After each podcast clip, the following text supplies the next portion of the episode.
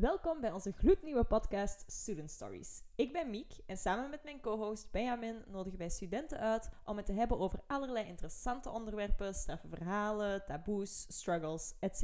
In het eerste seizoen focussen we ons op de verschillen tussen studierichtingen en nodigen hierbij toffe gasten uit die al een heel academisch traject hebben afgelegd. Je kan ze ook wel ervaringsdeskundigen of veteranen van uw Antwerpen noemen. Perfect dus om jullie een realistisch beeld te geven wat een bepaalde studierichting echt inhoudt.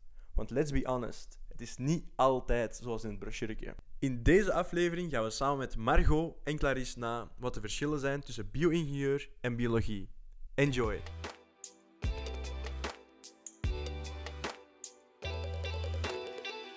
En wij zitten hier met ehm Margot Verhille, die bio-ingenieur heeft gestudeerd. En met Clarisse, zij heeft biologie gestudeerd. Stel jullie zelf eens even voor, dames. Hoi, ik ben Margot, ik ben 23 jaar en ik ben net afgestudeerd als bio-ingenieur. Ik heb mijn bachelor drie jaar gedaan aan de U Antwerpen en ik heb twee jaar mijn master milieutechnologie gedaan aan de Universiteit van Gent. En hallo, ik ben Clarisse. Ehm, ik ben juist afgestudeerd van mijn bachelor van biologie en ben klaar om aan mijn master te beginnen, ook aan de U Antwerpen. Oké, let's go. Ehm, hebben jullie eigenlijk altijd al het idee gehad van oh, ik wil deze studie gaan studeren, al van het middelbaar, van oh, ik wil een beroep met dit gaan doen, of ik wil die richting uit, of was het eigenlijk heel last minute een beslissing? Ehm, ik wou eigenlijk altijd vanaf ik klein was standaard studeren. Ik heb dan ehm, in mijn vijfde middelbaar meegedaan met toelatingsexamen. Ja, dan was ik er obviously niet door, want ik had niet gestudeerd. En dan ehm, in mijn zesde middelbaar heb ik dan opnieuw meegedaan. En dan was ik geslaagd, maar was ik niet gunstig gerangschikt. Um, which was a bummer. Maar dat heeft mij wel echt doen inzien dat ik eigenlijk totaal geen tandarts wou worden. Uh, ik heb zelf wetenschappen en wiskunde gedaan in het middelbaar. En heb ik zo'n beetje rondgehoord bij iedereen die bij mij in de klas zat. Zo, wat gaan jullie doen? En dan waren er drie mensen die bio-ingenieur studeerden. En omdat ik dat zo nogal snel moest beslissen, had ik zoiets van... Ah, en waarom hebben die dat gekozen? En dan aan de hand van hun uitleg mij gewoon ingeschreven en dan dat gaan doen. Met het idee van... Moest ik dan toch nog tandarts willen worden, kan ik veel vakken meenemen naar het volgende jaar. Maar dan uiteindelijk heb ik dat dan niet meer gedaan en dan gewoon die studie afgerond. Dus eigenlijk heel last minute, maar wel de goede keuze. Ja, uiteindelijk wel. Ah, kijk, goed. En hoe was dat bij jou, Clarice? Bij mij is dat heel vergelijkbaar. Ik wou echt sinds het begin van het middelbaar wou ik eh, patholoog worden. Dus echt zo bij de dokter en echt wel... Ik was daar echt van overtuigd. Ehm, en dan had ik in het zesde middelbaar meegedaan met het eh, examen, met het ingangsexamen. Ik was er niet op door. Wenen, wenen. Ehm, maar ik wou ook nooit biomedische doen, want dat is vaak wat mensen dan doen als ze er niet op door zijn. Maar dat was echt niet de vibe voor mij. Ehm, Side eye. sorry, sorry. Dit wel een toffe richting. Het Ik het dat sprak me echt niet aan. En dan dacht ik, oké, dat was mijn tweede optie. Biologie heeft me altijd wel geïnteresseerd. Ik vond dat op het middelbaar gewoon een super tof vak. Ehm waren wel ook mijn beste punten op het eh, ingangsexamen. Oké, biologie. oké. Eh, dus ik heb mij dezelfde dag dat ik mijn punt heb gekregen van het ingangsexamen ingeschreven op biologie. Ehm, want ik dacht, je moet verder met je leven. Mhm. Eh, nee, niet zo dramatisch, maar oké. Ehm, en ja, dat is de beste beslissing van mijn leven geweest. Want vanaf dat ik in de eerste lessen biologie deed, dan wist ik, oké, ik zit hier goed. Ja, Dit, zijn, dit is echt waar ik in geïnteresseerd ben. Dit zijn echt de mensen waar ik mee wil studeren, want dat is ook echt een superleuke vibe daar. En ja, ik, zou, ik heb nooit meer gedacht het volgende jaar, want ik ga nog eens meedoen met geneeskunde-examen. dus uw overgang van ja, het middelbaar naar de unief was eigenlijk heel vlot gegaan dan. Ja, uiteindelijk wel. Ja, Ja, direct goede mensen leren kennen. ja, ja. alhoewel het tijdens corona was, dus dat was wel moeilijk. Oké. Maar omdat je heel veel praktijk hebt bij biologie, dan leert je sowieso mensen kennen, want je zit naast mensen en je moet daarmee samenwerken. Je hebt ook veel labo's, of wat? Wij hebben belachelijk veel praktijk. Oh, wauw, oké. Ja. Ik dacht dat jullie vooral heel veel bezig waren met ontleden van de cel en Het komt allemaal nog. Ik ga het jullie allemaal nog vertellen. Oké, oké, ben benieuwd. En hoe was uw overgang, Margot?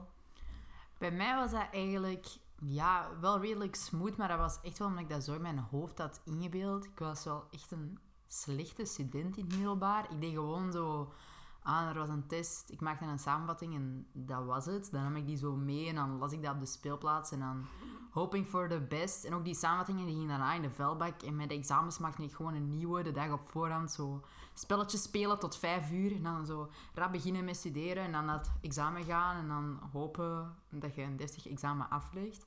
Maar ik wist wel dat dat niet de way to go was op de Unie of zo. Dus dan heb ik wel echt tegen mezelf gezegd van oké, vanaf de eerste dag dat ik daar zit, ga ik thuiskomen, ga ik een samenvatting maken van die les en ga ik dat bijhouden en ik ga dat zo altijd doen. En ik heb dat effectief de eerste dag zo gedaan, tot de laatste dag dat ik op de UNIF zat, heb ik dezelfde studiemethode gebruikt. Omdat ik dat toen echt zo had bepaald en dan de eerste examenperiode ging ook echt goed. Dus ik had zoiets van, dit is the way to go.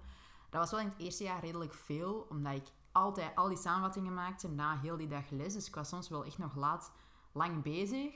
Maar dat betekent wel dat ik zo tijdens de blokperiode eigenlijk totaal geen stress had. Want al die samenvattingen lagen zo al klaar. En dat was echt wel zo een, meestal een redelijk rustperiode. Omdat ik dan door het jaar heen dat ook al had gedaan. Ehm, maar uiteindelijk, ja, dat ging nog wel redelijk vlot. Het voordeel aan bio-ingenieur is ook wel... Zeker in Antwerpen, in andere steden is dat wel een beetje anders. Maar in Antwerpen is dat een redelijk kleine richting. En je hebt ook redelijk veel praktijk. Dus dat was heel vaak in kleine klassen ook. Wij zaten soms in een grote aula als wij samen zaten met andere richtingen, zoals fysica of chemie. Dat was dan samen met mensen die fysica of chemie studeerden of iets anders. Ehm, maar voor de rest, zo, ik weet niet of bij wiskunde, we zaten echt gewoon in een klein klasje, zoals in het middelbaar eigenlijk. Dus dat was, die overgang was redelijk ja, smooth en zeker ook wat de UA bij mij heel hard opviel ten opzichte van andere universiteiten, is dat die band was ook heel persoonlijk. Die proffen, die wisten ook echt wie je waart. Die wisten vaak je naam ook. Je kon daar wel echt mee praten. Dus ik had niet echt het gevoel waar ze mij voor hadden bang gemaakt. Van, oh, dat is echt onpersoonlijk. En je bent een nummer op de unief. En mensen weten niet wie je bent. Ik had dat gevoel totaal niet. Die waren er wel echt ook voor u en zo. Wat ik in het middelbaar wel echt fijn vond. Dat zo, je echt wel iemand had waar je naartoe kon gaan. En ja, dat gevoel had ik ook wel op de unief. Dus op Was dat vlak. Omdat je een kleinere klas had van bio-ingenieur, omdat dat hier kleinere groepen zijn dan blijkbaar, was het dan ook makkelijker om mensen aan te spreken, om vrienden te worden, of dat eigenlijk niet? Met mij was eigenlijk het voordeel dat ik twee mensen had die ik al kende, die in eh, mijn richting zaten. Dus via hun heb ik dan zo wat mensen leren kennen.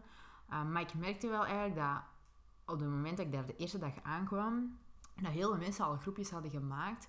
En dat kwam eigenlijk omdat je zo twee weken voordat de unie begon, kon je zo'n soort van, ja, zo van inloopweken of Zo, zoiets. Als- ja, ja, Ja. niet alleen kennismakingsdagen, maar dat was ook, ook zo... echt les, hè? Ja, ook Ja, echt les. Dat was voor, wel voorbereiding. ja, voor mensen die eigenlijk zo kwamen van, bijvoorbeeld, ze raden voor bio-ingenieur bijvoorbeeld aan dat je zes uur wiskunde hebt gedaan. Maar er zijn heel veel mensen die bijvoorbeeld Latijn hadden gedaan en maar vier uur wiskunde hadden. En dan kon je eigenlijk twee weken zo'n spoedcursus krijgen, zo, wat heb je gemist?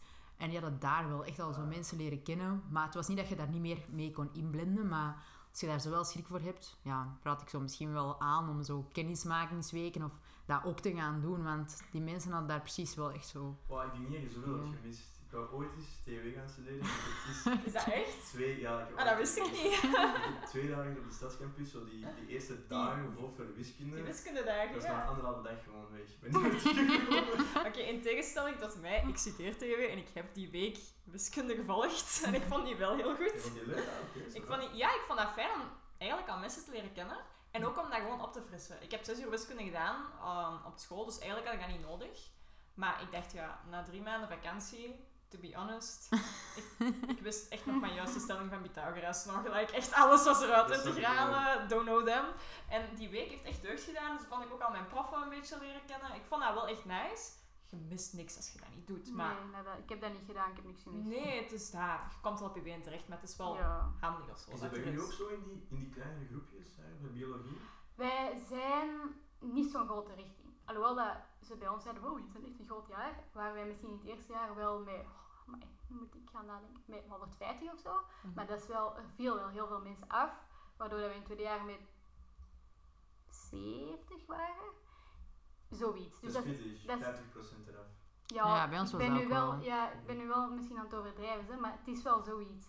Ehm, dus je bent sowieso al een redelijk kleine groep. En wij zijn een heel leuk jaar, denk ik, omdat iedereen wel met... Je hebt wel groepjes. Dat is altijd, want je trekt altijd wel wat samen. Maar iedereen kan wel met iedereen praten en het gezellig hebben. Mhm. Dus dat is wel fijn. Oké, dat is leuk. En als je dan zo heel veel vrienden maakt en zo, dan veronderstel ik dat je na je schooluren ook wel veel afspreekt met vrienden. Mhm. Is dat iets waar je op het begin moeite mee had, met dat te combineren met je hobby's of vrije tijd met vrienden vinden, met schoolwerk? Nou, in het begin was corona, dus wij deden echt niet. maar ehm, ja, nee, dat viel wel mee, denk ik. Ik was heel moe in het begin. Dat heb ik onderschat. eh, na het middelbaar zeggen ze altijd, ah, nee, je hebt helemaal niet meer zo'n lange dagen. En dat was echt absoluut niet waar, want ik had les van half negen tot zes. En vaak verplichte lessen. Zeker dat eerste jaar. Dus ik kwam thuis en ik ging gewoon... Ja, ik deed niks meer. Mhm. Maar ja, je leert daar ook wel wat mee omgaan of zo. Dus dan valt het wel mee. En ja, hoe verder dat je gaat, hoe steeds minder les dat je hebt. En Ja. hoe minder lange dagen. Alhoewel het dat wel heeft geduurd tot het tweede se- semester van het derde, derde bachelor bij ons. Maar voor de rest, ja, dat lukt wel. Dat In lukt het ook. begin, was, in het begin is het altijd, dat is iets Ja. nieuw. Je moet dat Ja. wel leren. Je moet wel zien wat dat evenwicht is tussen ga ik nu samenvatten of ga ik even op café en doe ik dat morgen wel. Mhm, Ja, Sowieso. ik kan beloven dat voor u ook ongelooflijk moeilijk was als je alle lessen s'avonds aan het samenvatten bent. Ik heb deze week al een paar eh, mensen over de vloer gehad, nog niemand die van de eerste dag al die is beginnen maken.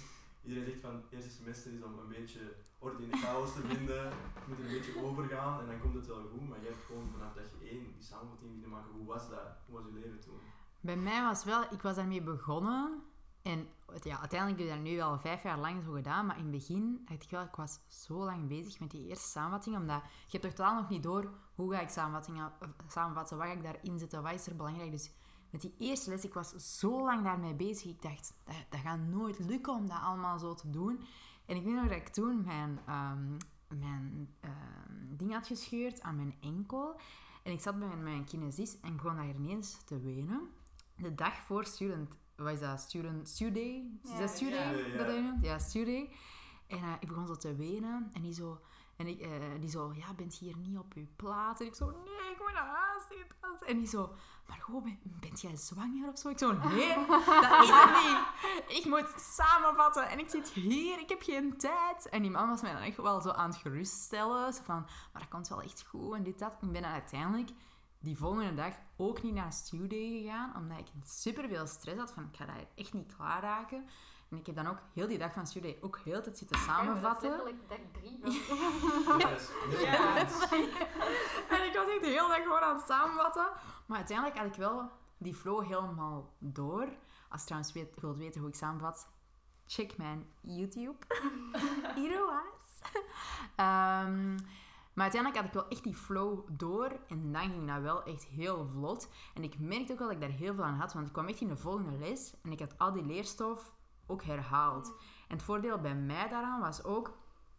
Je hebt zeker in de eerste, ja, in de bachelor vaak, in de master heb je dat totaal niet, maar in de bachelor laten ze u zo van die boeken kopen waar je echt van denkt. Niet doen Ja. trouwens. Nee, je moet echt niet alle boeken kopen. Nooit Ja, boeken oké. kopen. I did that. Oh. Maar dus, het ding was, voor mij was dat best wel handig, omdat soms praten die een heel academische taal. Ja. En omdat op die slides staat dat soms heel kort ja, verteld. En als dat dan heel academisch is, heel kort, dan begreep ik dat soms ja, niet gewoon. En dan in die boeken werd dat veel uitgebreider uitgelegd. Ehm, en het voordeel was dan wel, iedereen liet dat boek gewoon ingepakt tot aan de examens en dan begon ik dat te bekijken. Maar bij die samenvattingen probeerde ik ineens alles te combineren. Dus de slides, wat hij had gezegd en dat boek. Dus ik had dat boek ook al gelezen. En dan vaak had je wel handige dingen of extra voorbeelden of oefeningen die niemand bekeek. Maar ik had die dan wel gedaan omdat ik die samenvatting was aan het maken. En dan kwam je wel echt zo in de les, precies zo met meer knowledge dan de rest. En dat hielp mij wel echt... Ik had wel echt het gevoel dat ik zo met de blok begon van... Niet dat ik nu een examen kon maken, totaal niet. Zelfs niet na de eerste keer dat te leren. Ik was de helft al terug vergeten. Maar wel zoiets van... Ik begrijp wel echt de rode draad wat wij hier gedaan hebben. Ehm, en dan merkte ik dat sommigen wel niet hadden, omdat die gewoon zo naar de les gingen. En van, ik zie wel. En het probleem is als je zo vaak in het begin iets niet begrijpt, die bouwen daar zo ver ja, naar mij op. En dan zit je zo in die volgende lessen vaak zo te denken van, wat doe ik hier eigenlijk? Omdat je het niet begrijpt, maar dat komt gewoon omdat je helemaal in het begin zo de essentie gemist hebt of zo. En omdat ik dat dan samenvatte, kon ik daar zo heel kort op inpikken. Van als ik iets niet begreep, ik schreef die vragen ook op en ik ging bij de les dat echt wel vragen van, hoe zit dat, hoe zit dat? En ik merkte wel echt dat ik dan zo wel meebleef, dat ik echt in de les zat en wel begreep wat hij aan het zeggen was. Dus Maar- ja. Dus Is jij dat- zou wel voor... Sorry. Nee, Dus jij zou wel voorstellen om eigenlijk van, vanaf het begin, al in september, een, een routine te creëren, dat je eigenlijk constant met je leerstof wel bezig bent, of kan het ook anders? Want ik, heb, ik denk Ja. dat iedereen dat op die manier zou aanpakken. Je moet, ik zou zeker niet, niet iedereen aanraden om samen te vatten, omdat er ook mensen zijn die helemaal niet kunnen studeren van een samenvatting. Maar ik zou wel bijvoorbeeld aanraden om notities te nemen tijdens de les. En misschien die notities gewoon na te lezen en te zien of je alles begrepen hebt. Je hoeft dat dan niet samen te vatten per se, dat kun je later nog doen. Of er zijn mensen die gewoon puur van hun notities leren. Maar wat wel super handig is, is die notities maken en eens thuiskomen. En je kunt daar eens snel doorbladeren. Want sommige dingen heb je wel zo van, oké, ik heb het begrepen, ik heb het begrepen. En als je iets daar niet begrijpt, kun je teruggaan naar dat boek en kijken van hoe zit dat. Of op YouTube opzoeken, want soms zijn van die Indiërs op YouTube echt je beste vriend. Dat je echt denkt van, je hebt net echt op vijf minuten uitgelegd waar wij een semester over gedaan hebben. Maar oké. Tegen real life savers. Dus dat je gewoon even op YouTube opzoekt, dat boek, en dat er dan bijschrijft. Zo van, want dat is, dat is waar veel mensen zich gaan mispakken. Je zit in een les en je denkt, ja, ik ben mee, ik ben mee. En je schrijft zo iets vaag op. En dan komt je zo terug tijdens de examens en je leest die notitie en je denkt, what the fuck heb ik daar geschreven? En dat komt gewoon omdat je in die flow zit. Je zit zo in die les en je, hebt, je bent helemaal mee. En daarna lees je dat terug. Dus ik raad ook wel aan om echt zo uitgebreid te schrijven. Hele gedachtegang van dit, bla bla bla bla bla. En dat kun je thuis later nog doen, wanneer die les nog in je hoofd zit. Dat kun je niet een week later doen, want dan ben je al vergeten door al die lessen die Maar je het hebt. voordeel is nu wel met de lesopnames. Mm. Van veel vaker worden Mhm. lesopnames gehouden tegenwoordig tot, sinds na corona. En als er dan iets niet duidelijk is van je notities, dan bekijk ik die les gewoon nog eens. Ja. Proffen zijn daar wel mee gestopt. Ah. Allee, die zijn niet per se... Jawel, die zijn wel gestopt. Die zeggen gewoon, oh, kijk gewoon naar die opname van vorig jaar. En dat is goed, want wij zijn nu nog maar een jaar verder. Maar als die over drie jaar ook zeggen, dan is dat wel al out of date. Ja, maar misschien Ik dat ze het dan tegen het dan wel aanpassen. Mhm. Dat gaat sowieso Ik wel. hoop het. Ja. Maar toch ja. wel niet evenveel incentive om dat te blijven doen. maar Nee. Nee, op de dat is waar. denk ik daar nog wel geluk in. Ja, zo- Bij ons nemen ze wel nog elke les op. Ja. Dat is voor mij wel echt een alleen werkcolleges niet. Maar dat snap ik wel. Maar Naar een werkcollege moet je gaan om oefeningen te maken, kun je vragen stellen. Maar zo voor colleges, er zijn ook studenten die daarvan leren, hè? Die dat gewoon bekijken Ja, en die auditief leren. Dus ik vind dat wel handig, een, eh, wer- een hoorcollege nog eens opnieuw bekijken of zo. Ik ben ook niet degene die altijd elk boek koopt. Uh, dus ik heb meer aan een uitleg van iemand dan zo te lezen, want soms heb ik de aandachtspannen van een goudvis en dan eh, na vier zinnen ben ik al weg. maar ik snap het wel. Het is een goede. Het is wel waar, die boeken kunnen soms wel echt Ja. een andere blik geven om Ja. uit te zoomen en op een andere manier Dus te zien. Ja. In de vorm van een boek, in de vorm van een YouTube-video, om dan Ja. ineens te zien van, ah, nu snap ik dat ineens twee keer Mhm. beter. Ja, en ook gewoon, soms staan die in die boeken echt dingen. Like, ik herinner mij nog perfect mijn eerste examen fysica ooit, dat was in het eerste semester. En dat was zo mijn laatste examen, eerste examenperiode, I was done. Weet je, je, hebt, je zit twee maanden te studeren en ik was gewoon helemaal klaar mee. Dus ja, ik was al meer bezig met welke tripjes ga ik doen in de lesvrije week en dingen. Ik was helemaal daarmee bezig en ik was totaal niet aan het studeren eigenlijk. En ik kwam naar het examen en ik had gewoon zo wat random dingen geschreven, bla bla. En ineens, ik bekijk die oefeningen die op de meeste punten staan. Ik kijk naar die oefening. Ik denk, die oefening ken ik. Ik wist perfect waar die stond. Ik, mocht, dat was een open Mm. boek. Tijdens een oefenexamen mocht je meestal een boek gebruiken. Ik bladerde naar die dingen. Dat was gewoon zo'n voorbeeldoefening uit zo'n boek. Maar ja, zo'n boek is duizend pagina's. What's the chance dat je dat vindt als je dat boek niet gelezen hebt? Gewoon heb heel die oefening overgeschreven. 16 op 20, afgeven, klaar. Dus dat was bij mij wel. En ik heb dat echt een paar keer gehad, dat die gewoon een voorbeeldoefening gebruiken als een examenvraag. Dus die boeken, soms zijn ze een beetje overdreven, maar als er voorbeeldvragen in staan, zou ik ze toch eens bekijken. Ja, dat Die een mensen wel in de war gaan of Ja, boeken moeten kopen of Ik niet. heb echt bij ons, eh, ik weet niet, ik heb nooit een boek gekocht. Behalve de flora, omdat we die nodig hadden voor excursies en determinaties. Ik Maar ook, ja, exact. letterlijk aan alle andere boeken heb ik ofwel online gevonden, allee, ik niet, maar ofwel heeft iemand anders die online gevonden en dat doorgestuurd. Ofwel heb ik voor een open boekexamen gewoon van iemand anders dat boek gelezen. Want soms denk ik, sorry, maar ik ga echt niet een boek van 70 euro kopen voor één jaar. Mhm. Oké, ik kan het Ja. wel doorverkopen, maar... Ja, want er is een systeem dat je ook Ja. tweedehands boeken kunt aankopen. Dat doe ik. doe dat. Ik, eh, de boeken dat ik zoiets heb van deze wil ik wel echt hebben en die vind ik dan nodig zijn, die ga ik dan tweedehands kopen. Ik ben meestal te laat om het te doen. Ik Ah. koop mijn cursussen ook wel vaak tegen de blok. Ah ja, oké. Dus als je je boeken op tijd koopt, kun je die tweedehands aankopen en ook verkopen na een jaar. Ja. En dan heb je wel een goede deal Ja, gemaakt. er was vroeger zo'n site, Z-Library, en dan kon je gewoon al die boeken gewoon zo gratis downloaden. En- Maar dat is enkel voor Engelstaligen, toch? Ah ja, dat kan. Want sommige boeken zijn ook Nederlands. Ah, Ah, oké, bij dat wel Ah, bij waar, ons is niet. Ah, bij, Dank je, was dat. ah, bij economische richtingen zijn er ook Nederlandse boeken. Bij wetenschappelijke blijkbaar niet. Nee, informeer je goed, ook bij studenten Ja. die, die ouder zijn of die dat hebben gedaan. En Is het nuttig om dat te kopen? Wat staat er effectief in? In plaats van gewoon klakkeloos alles te kopen, dan Nee, is je ja. gewoon elk jaar heel veel geld kwijt. Dat is waar. Het is makkelijk. Als, als eerste jaar is het ook goed om gewoon eens te gaan informeren bij de eh, studentenvereniging van, Mhm. uw, eh, van uw studierichting, omdat die vaak gewoon veel weten. Je moet daar niet Mhm. bij gaan. Bijvoorbeeld bij ons Fabians, je kunt zoveel leuke dingen doen zonder dat je daarbij zit. En die geven nu zoveel tips en tricks en de biobox. Je bent wel lid. Nee, ik ben totaal geen Ah. lid. maar dat is- Ik was altijd zo passief lid, zo die 10 euro betalen in het begin van het jaar. is Voor die Dropbox, Google Drive. En dan voor de rest, Ah, maar bij ons is die sowieso you wel, guys. wel voor iedereen. Ah nee, bij ons moest je wel die 10 euro betalen voor... Dan kreeg je zo die... Ja, Ja. dan werd je e-mail zo toegevoegd aan die eh Dat Dropbox. was ook 10 euro en dan kreeg je inderdaad... En dan kreeg je zo'n... En dan, survival en dan iets. kreeg, ja, dan kreeg je, maar dan kreeg je ook zo die, die box zo, met al die free shit in. Ja. En die was vaak... En, en je kreeg ook bij ons gratis mini lumpia's, zo op de... Wat was dat? Zo in het begin van het jaar. Als je zo al die. Stage. Students on stage, ja. Nee, nee, nee, nee. Of het bestaat dat niet meer. Dat was zo in begin... Ik weet nog echt in mijn eerste Ah, jaar... jawel. Dat is zo op... Dat was dat? Op de...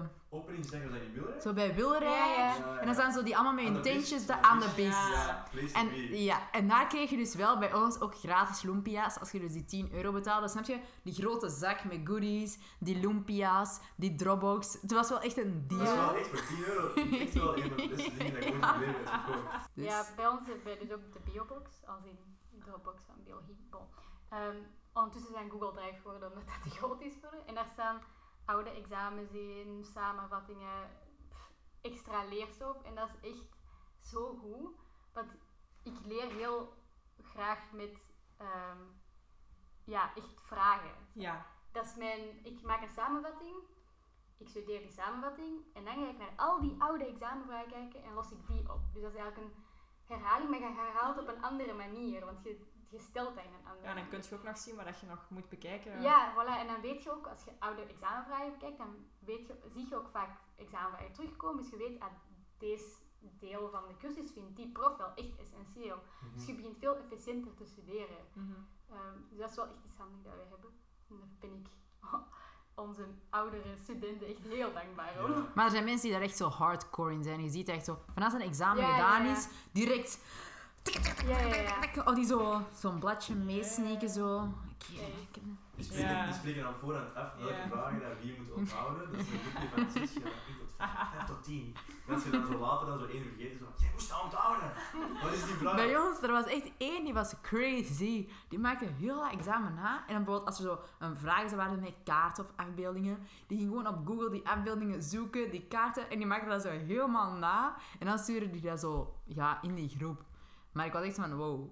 Daar ben ik echt niet mee bezig als ik Nee. een examen het Als ik ik ben alles al vergeten. Wat Op er zich, die vragen zijn supergoed, maar ik ben wel echt wel een use with caution, want Ja, je kunt ook wel heel eenzijdig die vragen leren sowieso en de niet. rest niks meer weten. Want Ja. ook bij geneeskunde is dat ook heel hard in de cultuur van geleerd examenvragen. Bij veel examens komt er heel veel terug, maar eigenlijk wat weet je dan? Ja. Later als je een patiënt Maar- zit je dan met die examenbundel Ja. voor je te zitten van, ah, dat stond er eigenlijk wel niet in. Ik weet eigenlijk echt niet wat je hebt. Ja. Dus maar het, is, het is wel iets goed om je, je leerproces te starten en Ja. dan te Ja. denken, oké, eigenlijk weet ik dat niet. Waar in het boek staat, koppel terug. Ja. Dus, maar daarmee ja. dat ik zou zeggen, want je hebt ook wel ehm, antwoorden soms bij ons staan in de biobox, die durf ik niet te lezen. Omdat ik weet, oké, dat is wel iemand met goede bedoelingen, er gaan geen expres foute dingen in staan. Is, er iets, hebben jullie veel competitiviteit gezien? Nee. Nee, nee, Maar ik had één keer... Wat was dat? Wat voor vak was dat? Ehm, bodemkunde. Als je ooit bodemkunde hebt, neem niet de antwoorden over van de Dropbox. die zijn niet juist.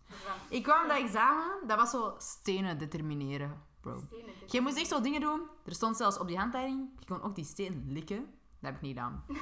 Ehm, maar dus, je moest echt zo met een vergrootglas kijken en zo scratchen op zo'n andere steen om te zien hoe zacht is die steen. En dan moest je zo weten welke steen is dat. Maar je mocht zo, ja, zelf zo foto's nemen tijdens de werkcolleges en dan zo erbij zetten welke steen jij dacht dat die steen al was. Oké, ik had gewoon van die Dropbox die dingen gepakt. Ik kom naar dat examen. Dat is die foto van die steen dat ik kreeg. Dat was die, die steen van op die foto. Dus ik denk... Ik zeg die, die naam dat er naast stond. Dat was helemaal niet die steen. Dus die man keek ook zo naar mij. Ben je zeker? Ik zo... Ja? Dat was niet die steen. Dus inderdaad, niet klakkeloos Maar over. waren dus mensen wel effectief en die stenen aan het likken waren? Ik heb dat niet... Niemand Dat is echt... Dat was Ik heb dat toch- niet gezien. Dat was toch voor corona? Ja, sowieso. Ja, dat was wel voor corona. Ja. Maar... Maar je geeft dus al toe aan, een tiende student die is al zo helemaal Ja. net zo. Precies een of andere bal dat je hond juist is en in zo. Het enige, ja, het enige wat ik wel echt skip, is zo mensen die over die examenvragen tijdens de examens zo in de messengergroep vragen stellen. Ah nee, ik help die wel altijd. Nee, nee, ik ga. ik lees dat niet. Want soms wordt er ook verwarring Ah, dat wel. Ja. En dan ben ik, begin ik zo aan mezelf twijfelen of die zijn ineens heel, die weten precies ineens heel veel dat ik niet weet. Maar ik heb dat ook na een examen. Als mensen zo een examen overlopen en dan gaan die zo allemaal andere dingen zeggen, dan denk ik, ik had gewoon... oh, ik had drie, eh, ik had vijf, ik had acht. ik had 500. Ik, ik had Spanje. Ja. Dat is wel effectief een ding. Zo, zo, Ja. wat is de leeftijd van Jos? Min 583. Kelvin. Nee. Jawel, maar bij onze biomedische hadden wij vroeger, want dat waren echt de broers. Biomedische, wij waren echt één ploeg. We waren allemaal door. En er was zo één guy. Jullie waren allemaal naar geneeskunde. Allemaal, iedereen. allemaal laboratoren. Er was één guy, uh, Noureddin, en die maakte er gewoon een sport van, 24-7 klaar te staan voor als iemand een vraag had in, in die dinges. Dus die ging slapen een nacht voor het examen en die legde zijn gsm naast, naast hem, luid. En als iemand een vraag had, die werd gewoon wakker en die maakte dat. Hij werd echt verafgoud. Dus wat we al hebben meegepakt van deze episode is een no- notities wel maken. Best zoveel mogelijk toch na de les eens bekijken. Goed informeren over een eventuele studentenvereniging, een biobox, een Dropbox, een Google Drive. En eh, toch misschien aanwezig of niet aanwezig zijn in de chat. Dat is wel goed, ja.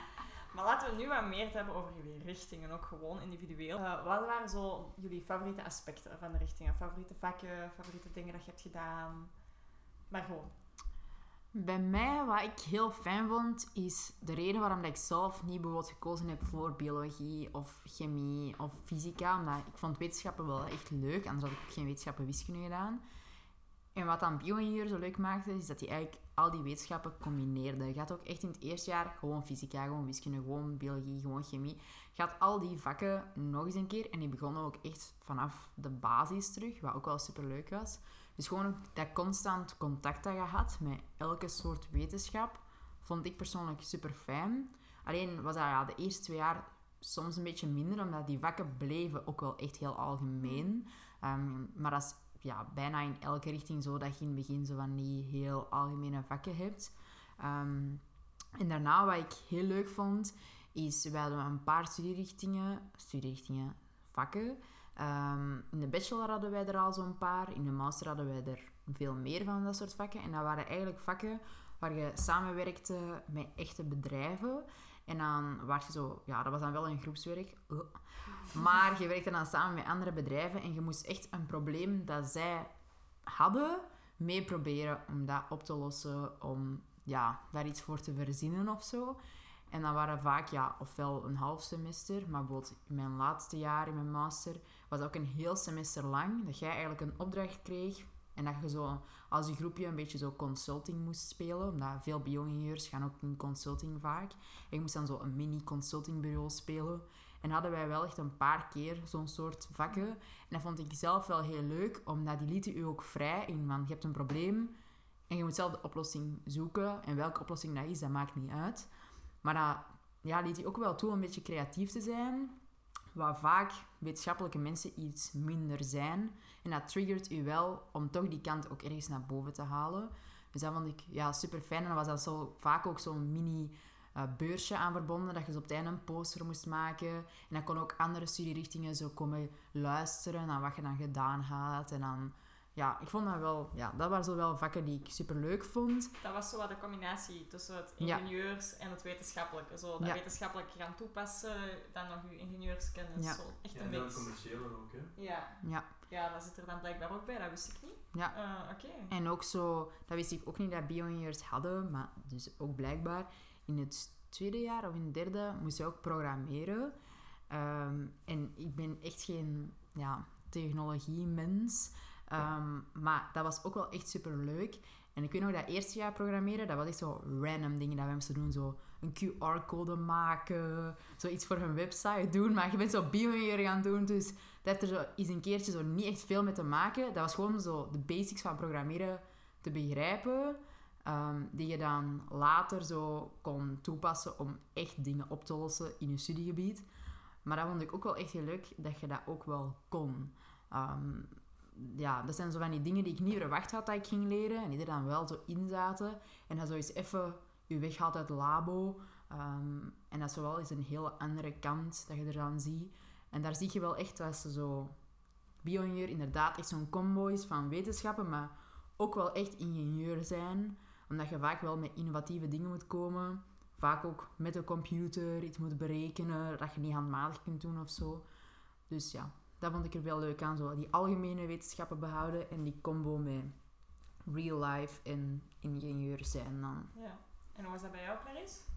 Ehm, we hebben ook algemene wetenschapsvakken, maar Ja. vooral in het eerste jaar. En dat vond ik, ja, dat is nodig, maar dat is niet wat ik super leuk aan vond of zo. Want ja, je hebt dat nodig. Ja, tuurlijk heb je dat nodig. Je hebt altijd, alle, elke, heb je altijd, in elke wetenschap heb je alle Je hebt de andere basis nodig om mee te nodig. Ja, werken. het is dat. Maar wat ik vooral heel leuk vond aan biologie is, het is, de bachelor is theoretisch. Ik denk dat bij bio-ingenieur is dat waarschijnlijk ook, je moet veel blokken. Ehm, maar dat wordt echt heel goed ondersteund door veel praktijk. We hebben echt in het eerste jaar zeker het minstens drie dagen praktijk. ehm, voor, ook voor fysica en chemie, dus ook voor de normale, alleen de normale, de ehm basiswetenschapvakken. Maar we hebben ook doorheen heel de bachelor we hebben heel veel excursies, waarbij je dus je leerstof echt ja, buiten de aulas kunt gaan opsnuiven en ja, echt in praktijk gaan brengen. En dat vind ik, ja, dat is zo zalig. Je bent gewoon heel dag buiten en je leert en je ziet alles rondom je heen. Daar kun je iets over zeggen. En dat is zo tof. En je leert elkaar veel beter kennen en je ziet echt, ja, dat is echt de essentie van biologie waar dat je dan mee bezig bent. Ja, zo een beetje de theorie eindelijk kunnen toepassen in de Ja, praktijk. en dat is wel echt doorheen heel je bachelor. Dus dat is wel echt iets om naar uit te kijken ook altijd. Maar meestal is dat dan voor het tweede semester, want dan is het betere weer. Als je de hele, dag- hele dag buiten moet zijn, doe je dat liever als eerder 20 graden is dan als het eerder Ja. 0 graden is. Wat was zo'n voorbeeld van een, van een excursie of iets dat je buiten bent bezig geweest? Ehm. Bijvoorbeeld een practicum dat je, dat je echt heeft aangesproken? een practicum dat mij echt heeft aangesproken. Ja, wij doen dus echt veel. Dus je hebt echt gewoon labovaardigheden. Je hebt ook microscopie eh practica, waarbij dat je naar eh, platformen kijkt. Platformen, heel klein. Ehm, of zelfs naar de... Bij embryologie was het dan naar kippenfoetussen. Dus dat is ook echt dat is super uiteenlopend. We hebben determinatiepractica, waarbij dat je insecten en, en planten leert determineren. We hebben dissecties. Eh, dat was niet voor iedereen altijd even leuk, maar wel heel interessant. En we hebben, ehm, ja, we hebben ook van excursies heb je echt alles. Je hebt vogelexcursies, waarbij je dus gewoon heel erg naar vogels gaat kijken. Ehm, je hebt plantexcursies, waarbij je gewoon dus rondwandelt. En dat, dat is ook gewoon leuk. Je bent gewoon. En je krijgt dat uitleg en, en dit en dat. Ehm, we hebben ook een driedaagse in het eh, tweede jaar. Eh, en dat is voor zo, zowel voor fauna en flora als voor aardwetenschappen. Eh, en dan gaat je naar rotsformaties kijken, maar ook weer naar beesten. En het leuke is omdat je, dat je daar dan ook s'avonds bent, dus je kunt ook echt nachtwandelingen gaan maken. Je gaat naar, naar de zee om daar naar schelpen te gaan kijken, vissen gaan zien, zelfs in gewoon rivieren zoetwatervissen gaan bekijken. Je doet echt heel veel. Maar vooral met de natuur dan. Ja, ja, vooral met de natuur. We zijn de laatste waren, op een bepaald moment stond ik in de Schelde, omdat we door de slikken en scheuren van de Schelde aan het gaan waren. En dan leert je ook al, dan wordt alles, dat is in het laatste jaar wordt alles gecombineerd. Dan heb je ook ecosysteembeheer en ecosysteemtypes. En dan is het iets meer economisch, nog altijd niet, het mag meer zijn van mij om meer die kant van het verhaal te zien. Eh, maar dan wordt alles zo... Dan merk je hoe alles onlosmakelijk met elkaar verbonden is. En dat zowel in de les als in de excursies. Dus het is heel fijn. Je bent een beetje drie jaar bezig geweest met een puzzel en eindelijk is die af. Ja, Oké. Ehm, ja, in heel veel vakken is dat toch. Want je hebt nog altijd ook gewoon vakken waar dat, dat nog altijd één stukje van de puzzel is. Ja, ja. Ehm, maar ja, excursies. Een van de leukste ehm practica was eh, het pipi-practicum, noemen we dat. Ik hebben jullie dat ook gedaan? Moest je zelf pipi doen? Ja. Wij ook. Ja. Heb ik gedaan. Wij ook. Superleuk. Ik vond het mega tof. Ik gewoon gezet zo met je eigen... Ik was de avond ervoor naar de KP gegaan. Kan ik niet zeggen. Dan moest, dan moest je zo'n liter water atten. hè. Ja, twee liter water uit. Na zo'n avond doet dat echt niet goed. Ja, veel je er die tijd. Ja, Wauw. dat was Valentijns TD. Oeh. De, a- de dag erna pipi practicum. Oké. En dat, dat is bij u vlekkeloos verlopen? Of?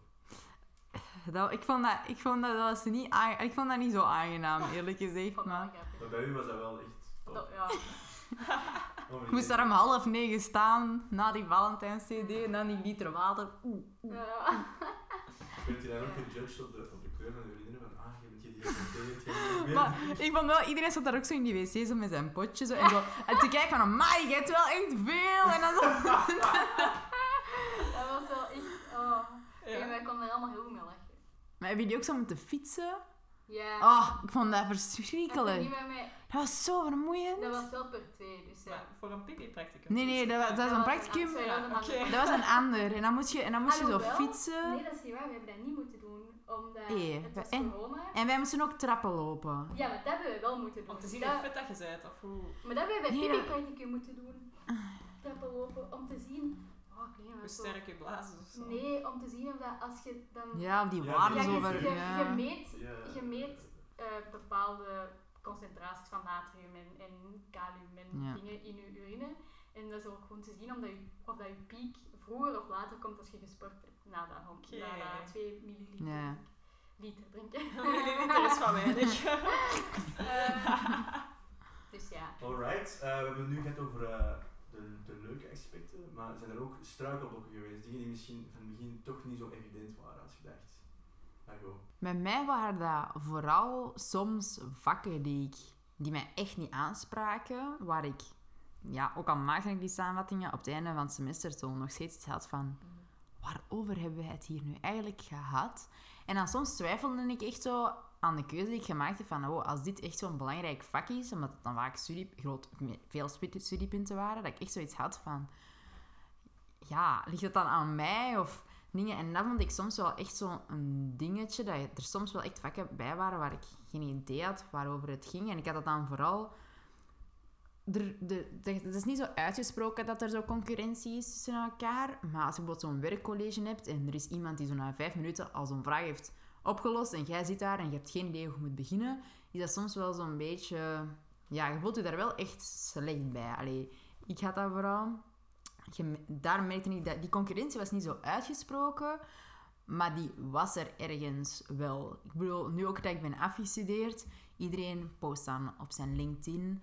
I'm happy to announce I graduated. En dan zo tussen haakjes, cum laude.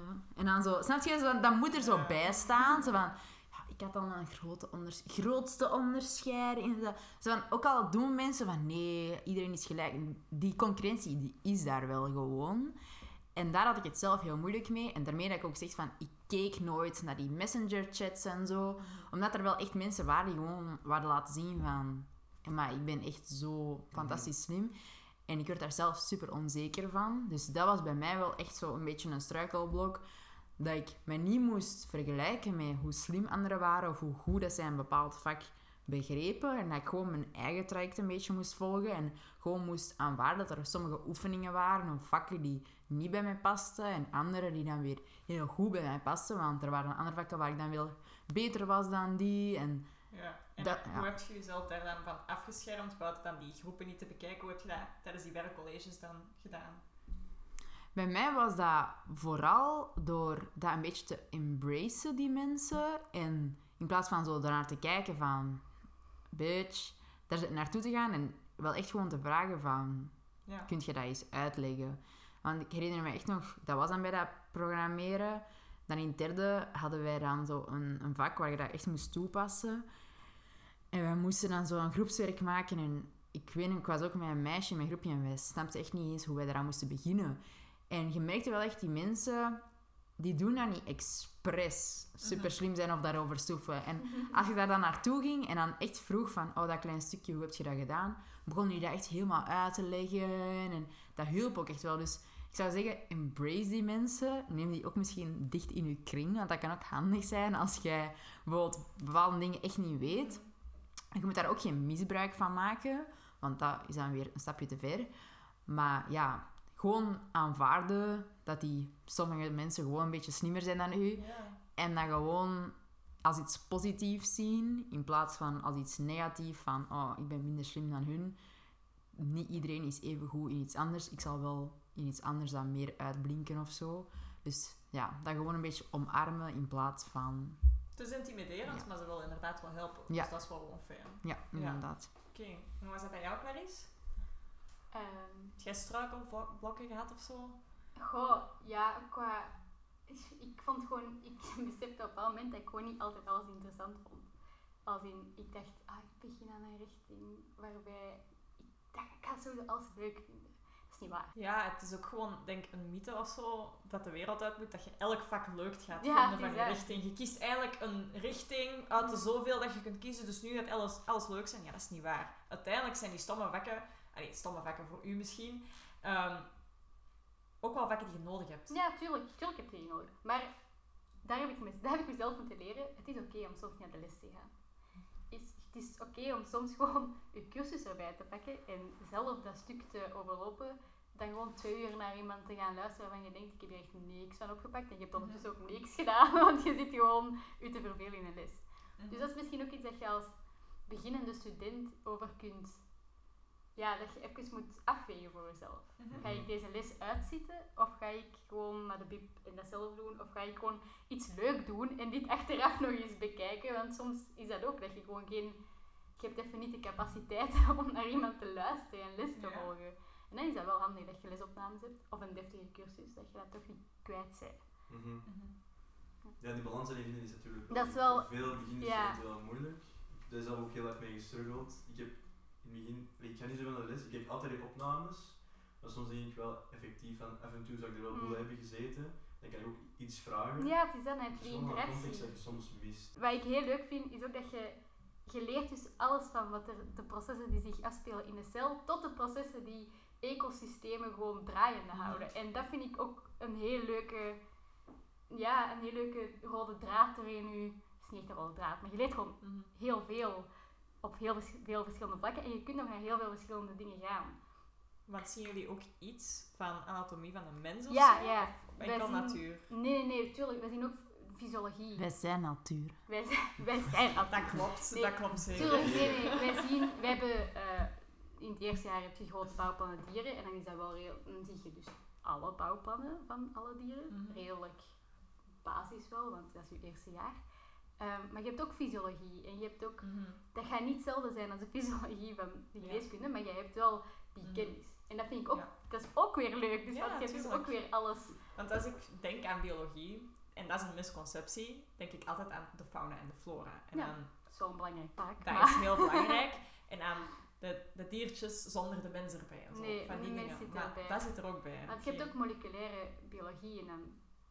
Ja, het ding is, in parasitologie we ook en heel veel van die dingen van biologie, omdat ehm, dat allemaal begonnen is met oei, er is iets mis met de mens en we gaan onderzoeken wat er mis is met die mens. En uiteindelijk komt hij bij een heel andere wetenschap, zoals parasitologie.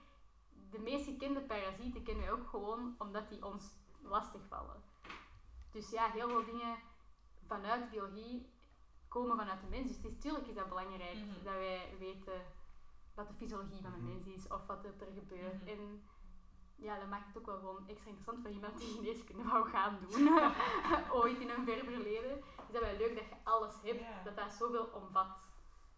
Beetje een bonus. Ja, zeker een bonus. Dan hebben jullie ook natuurlijk al, ja, maar gooi je hebt er al meer dan vijf jaar ondertussen op zitten, of vijf jaar? Ja, exact, vijf. vijf jaar. En dan jij drie jaar. Mhm. in die jaren verandert je ook heel veel. Als persoon, dan zijn nu formative jaren. Wat is zo het meest dat je gegroeid bent van jezelf, dat je echt hebt gemerkt van, amai, als ik nu kijk naar mezelf drie of vijf jaar geleden, dat is echt heel anders. Bij mij is dat vooral... Mensen die mij in mijn eerste jaar hebben gezien... Spreek mij niet aan, want hoe was she? Nee, nee, maar...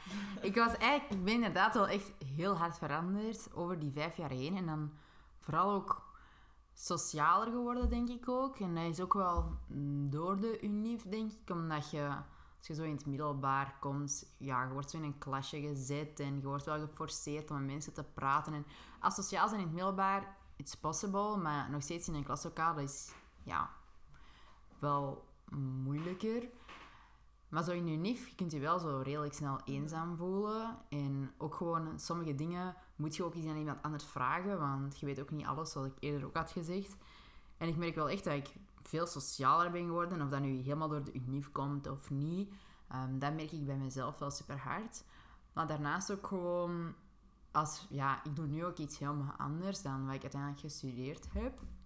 Uh, ik ga ook voorlopig niets met mijn diploma doen of zo. En dan vragen soms mensen van, oh, vind je dat dan niet stom dat je vijf jaar gestudeerd hebt om daar dan niks mee te doen? Maar ik heb ja, superveel geleerd van hoe moet ik leerstof verwerken. Um, ook echt om door te zetten, want het is wel, sorry voor de mensen die gaan hier studeren, maar dat is wel echt gewoon een mythe dat het met de jaren makkelijker wordt.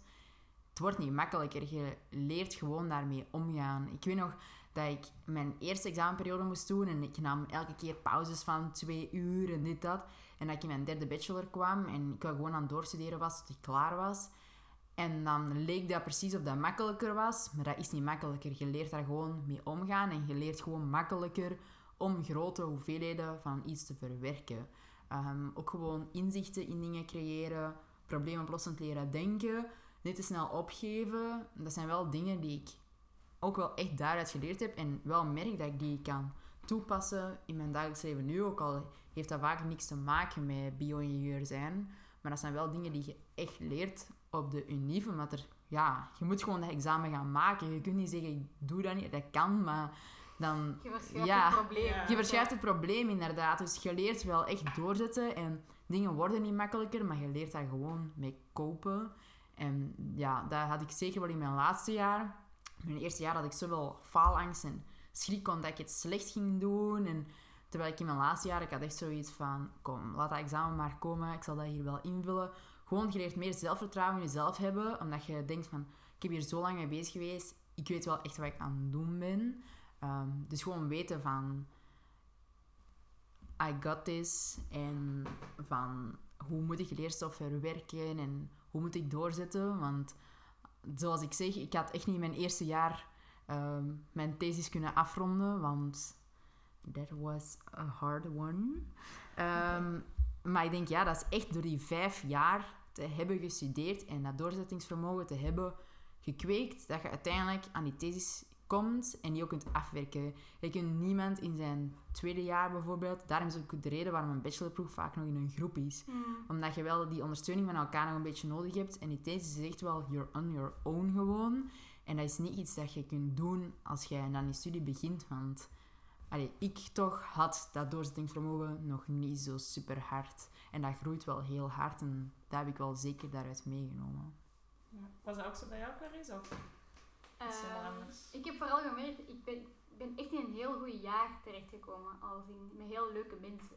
Waardoor dat ik mm, echt altijd mezelf heb kunnen zijn. En dat was heel ander, helemaal anders dan op het middelbaar. Want ik merkte zo de laatste jaren dat ik zo dacht, oh jezus, wat, ik ben blij dat dit mijn laatste jaar is. Want die mensen, ik heb gewoon zin om, an- om met andere mensen iets te doen. Terwijl ik nog altijd mijn vrienden vanuit het middelbaar heb, daar, daar niet van.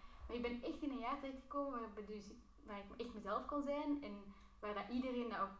Iedereen, iedereen in biologie is echt anders. Ik heb ooit iemand dat horen beschrijven als een farmaciestudent die zei...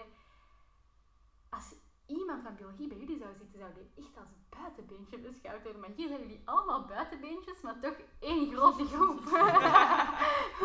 Dat maakt het zo fijn. We zijn allemaal zo anders en iedereen vindt dat oké van elkaar. En iedereen aanvaardt elkaar. Waardoor dat ik gewoon in mijn persoonlijk leven denk ik ook gewoon, ja... meer mezelf ben en dus ook meer kan zeggen wat ik denk, meer kan niet over me heen laten Mhm. lopen en meer, ja, gewoon meer in, op, ja, alles valt op zijn plaats. gewoon. Ja. En dat is heel aangenaam. En met vrienden, ja, ja, dat is echt heel aangenaam. En dat is niet echt per se studiegerelateerd of zo, maar dat is toch ook wel iets dat de richting voor mij gedaan heeft. Tuurlijk, je wordt als Ja. persoon ook geshaped door wat je doet en de mensen die daar rondom je zijn. Hè? Ja, het is dat. Kent je al wat je concreet wilt doen met biologie? Eh, nee. Ehm je kunt nog heel veel doen met biologie, dat is het ding. Wel, want ja, omdat het uw bachelor zo breed is, ik zeg het, hè, vanaf de processen van de cel tot de processen die ecosystemen in, in gang houden. Ehm, nu, ik weet wel, mijn master... Op Antwerpen heb je niet zo heel veel uiteenlopende masters. Mhm. Je hebt eh, Global Change, je hebt Biodiversity Restoration and Conservation en je hebt eh, Evolutie en Gedrag. Ehm, en ik weet wel al zeker dat ik ehm, iets met het grote geheel wil doen, dus met ecosystemen. En, en dat interesseert mij echt super hard. Terwijl ik wel echt alles interessant vond. Dus. Op een bepaald moment hadden we microbiologie dit jaar en dan dacht ik ineens, wauw, misschien moet ik dit gaan doen. maar nee, ja, mijn hart ligt toch bij zo ecosystemen en Mhm. ecosysteembeheer en, en die dingen. Dus ja, ik ga denk ik in mijn master, ja, het ding is in je master heb je ook wel echt stages. En ik denk dat je daar heel veel van leert ook, ook van weet van, ah oké, dus dit kan ik gaan doen. Ah, of dit kan ik gaan doen. Ook wel- Oh, sorry. Dat was mijn pil. Dat mag je niet vergeten. Eh, nee, dus ja, stages in je masters gaan wat mij ook wel meer in die richting. Ja. Ik, heb, ik maak me daar ook totaal geen zorgen over. Oké. Ja, dat ik wel. Ga nog meer concreet worden. Je hebt nu al, al een vaag beeld van welke richting, of wat dat je interesseert vindt. Ja, In ieder geval wat dat je niet interessant vindt. ja, Dat ook. Maar dat gaat nu nog tijdens de master nog wat meer geboetseerd worden. Ja, Als jij iets zou moeten kiezen wat jij zou moeten doen met je, met studierichting, wat zou het dan zijn? Zoals ik daar straks al heb gezegd, veel bio-ingenieurstudenten die gaan consulting doen. Dus dat is wel iets waar ik altijd heb gedacht dat ik dat misschien zou willen doen. Ik heb ook tijdens mijn master ook een minor gedaan. ehm, en dat was milieucoördinatie. Dus nu ben ik ook milieucoördinator A. Ehm, maar dat zou ik in principe ook nog wel echt willen doen. Omdat ook, dus een milieucoördinator, kort, is gewoon iemand die in een bedrijf alles regelt qua milieu. Dus die doet de vergunningen, maar ook hoe kan ik gewoon het gebouw bijvoorbeeld ehm, meer sustainable maken. Bijvoorbeeld eh, isoleren, zonnepanelen leggen of zoiets. Ehm, dus in elk groot bedrijf heeft een milieucoördinator. Elke bank heeft een milieucoördinator bijvoorbeeld. En zo kun je eigenlijk in bedrijven terechtkomen die niet per se iets te maken hebben met wetenschap. Dus dan kun jij wel zo echt die wetenschapsgirly zijn als je daar aankomt. En mensen luisteren dan ook wel naar u, want jij bent de persoon die de expertise heeft. Dus ik zou niet per se ergens aan willen gaan werken waar iedereen iets met wetenschap te maken heeft, want ja, daar zou ik zo'n beetje in ja, verloren geraken, denk ik. Ook omdat wetenschapsmensen vaak een heel speciaal type mensen zijn, ehm, waar ik soms niet super hard bij aansluit. Dus daarom zou ik liever dan in een gewoon bedrijf terechtkomen die op zich niks te maken hebben met milieu of wetenschap, maar daar wel al die zaken daar rond ehm, ja, coördineren. Ik heb zo les gehad van iemand die dan milieucoördinator was bij de KBC. Dat was echt de liefste vrouw ooit. Ik heb uiteindelijk nog zo on the side toen zo'n project gedaan, waar zij mij ook superveel had mee geholpen en zo, superveel connecties had meeleren. Uh, allee, superveel connecties heeft eh, doorgegeven en zo. Dat was echt een super toffe vrouw. En die vertelde dan ook superveel over wat ze deed bij de KBC en zo. En dan vertelde ze bijvoorbeeld, ah, ik ga dan overal het koffiegrind halen en dan plant ik daar champignonnen mee. En dan maken we dan champignonsoep van die champignonnen die dan gemaakt zijn op het koffiegrind van dan alle KBC-kantoren. Die deed zo random dingen. En zeiden van, ja, en dan moesten we eens het nieuwe ehm, beleid uitleggen van de KBC. Dus dan had ik mij verkleed als boom. En dan ging ik zo langs alle kantoren om het uit te leggen. En dan deed ik een sketch over het milieu. En voilà. Dus die vertelde wel echt, die mocht doen wat ze wauw. Want iedereen luisterde gewoon naar haar en zij was de persoon met die expertise. En ze deed maar zo... Allee, niet dat ze random dingen deed, maar gewoon... Ze amuseerde Ja, zich ze amuseerde zich Ja. echt. Omdat... Ja, en zij maakte ook wel echt verschillen. Ik bijvoorbeeld, in het begin vertelde zijn bijvoorbeeld, ja, dan in de KBC-torens heeft ze s'nachts bijvoorbeeld al het licht aanstaan en van die dingen. Gewoon omdat ze dat niet konden uitzetten. En dan was zij er echt zo half in protest gegaan en had ze echt dat geregeld, dat er die lichten vervangen werden, dat die dan worden, konden uitgezet worden en bla. Dus zij maakte wel echt zo kleine Ja. changes. En dat zou ik wel leuk vinden, omdat je dan heel kort op de bal kunt spelen, omdat wetenschap soms is, je werkt heel lang aan iets Mm. en misschien gaat jij zelf niet meemaken waarvoor jij hebt gewerkt. Terwijl, ja, als milieucoördinator, je kunt iets doen en een half jaar later kan dat daar al zijn. Dus dat is hetgene wat ik wel zou doen. Zo echt dingen die kort op de bal spelen en niet bijvoorbeeld ergens in een labo gaan staan of zo. Ehm, omdat dat niet aanleunt bij mij. Ehm, en vooral ook iets waar ik met mensen zou kunnen bezig zijn.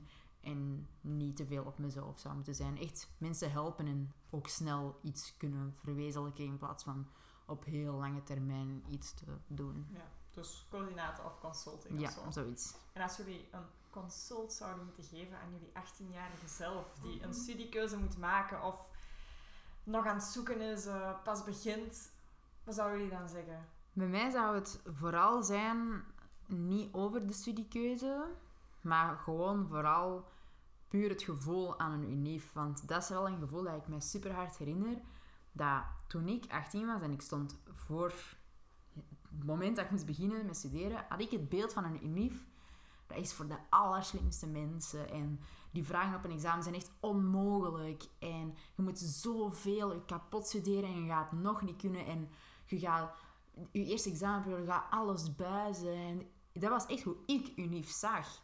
En dat is ook als mensen mij bijvoorbeeld vragen stellen over UNIF, dat ik wel echt zeg van... Zo mocht je UNIF echt niet zien als je alles goed bijhoudt en jij luistert gewoon naar wat die prof zegt en jij begrijpt wat er in de les gezegd wordt en jij studeert daar gewoon voor op een normaal niveau, gaat je naar dat examen en dan gaat je dat ook gewoon kunnen invullen.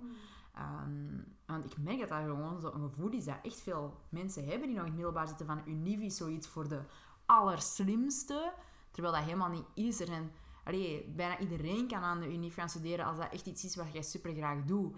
Dus dat gevoel mag je niet tegenhouden om iets te gaan studeren, omdat je misschien denkt van dat is te moeilijk voor mij.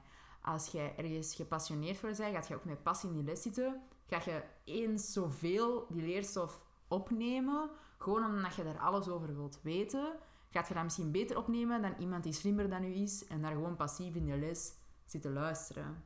Dus dat is het belangrijkste dat ik zou meegeven, van laat niet je gevoel u tegenhouden om een richting te doen waar je wel van denkt dat zou iets voor mij zijn, gewoon puur omdat je denkt dat je dat niet zou kunnen.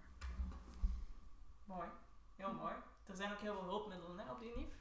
Dus eh, moest het echt niet gaan of zo, Mhm. niet direct stoppen. Er zijn Ja. hulpmiddelen, spreek die aan en geloof in jezelf inderdaad. Dat is een mooie, echt waar. En, ja. Vind ik ook. ja. en ben je Clarice? Eh, ik zou zeggen, ehm, doe wat jij wilt. Niet dat mensen mij ooit hebben willen overtuigen om iets anders te doen, maar in mijn hoofd was dat wel van, oh nee, ik wou eigenlijk altijd geneeskunde doen en nu is dat, ben ik er niet door, moet ik toch geen biomedische gaan doen, want ja, dat is toch... En dan ben ik voorbereid en dan denk ik, nee, ik wil geen biomedische doen. En stel dat ik er nog allee, terug niet door ben, want ja, dan heb ik zo'n jaar iets gedaan dat ik niet wou doen. Dus ik ben biologie gaan, alles is op zijn plaats gevallen. En dat gaat ook sowieso gebeuren. Ook al zijn je de eerste maanden of misschien het eerste jaar van je, van je studie, dat je zoiets zit van, wat gebeurt er hier? En ik weet niet wat ik moet doen. En alles valt op zijn plaats op een, op een bepaald moment. Dus doe gewoon op je gemak. Ehm, experimenteer een beetje met, ehm, wil ik elke keer in de les zitten? Heb ik daar iets aan? Zal ik bepaalde lessen skippen? Want je merkt dat soms ook voor bepaalde lessen dat je daar niet moet zijn. Ga ik schriftelijk noteren? Ga ik met de laptop noteren? Ga ik mijn tablet noteren? Je ziet wel. Ik denk dat ik vijf keer van methode ben veranderd. En je merkt al op den duur wat er voor u kan en wat voor u klopt. En dan ja, valt alles heel zijn plaats in alle delen van, een- van het leven. Dat is ook eens eindigen. Heel mooi. Oké, ik ben het er helemaal mee eens. Ik denk dat we dan heel wat mooie punten zijn tegengekomen en dat we bij deze de episode kunnen beëindigen. Heel erg bedankt om Dankjewel. Graag gedaan. Graag gedaan. Goed. Dat was Allemaal het. bio-ingenieur studeren. Allemaal biologie studeren. We hebben superleuke veldcursussen. Tropisch, alpine, Of marine. TW, weet je.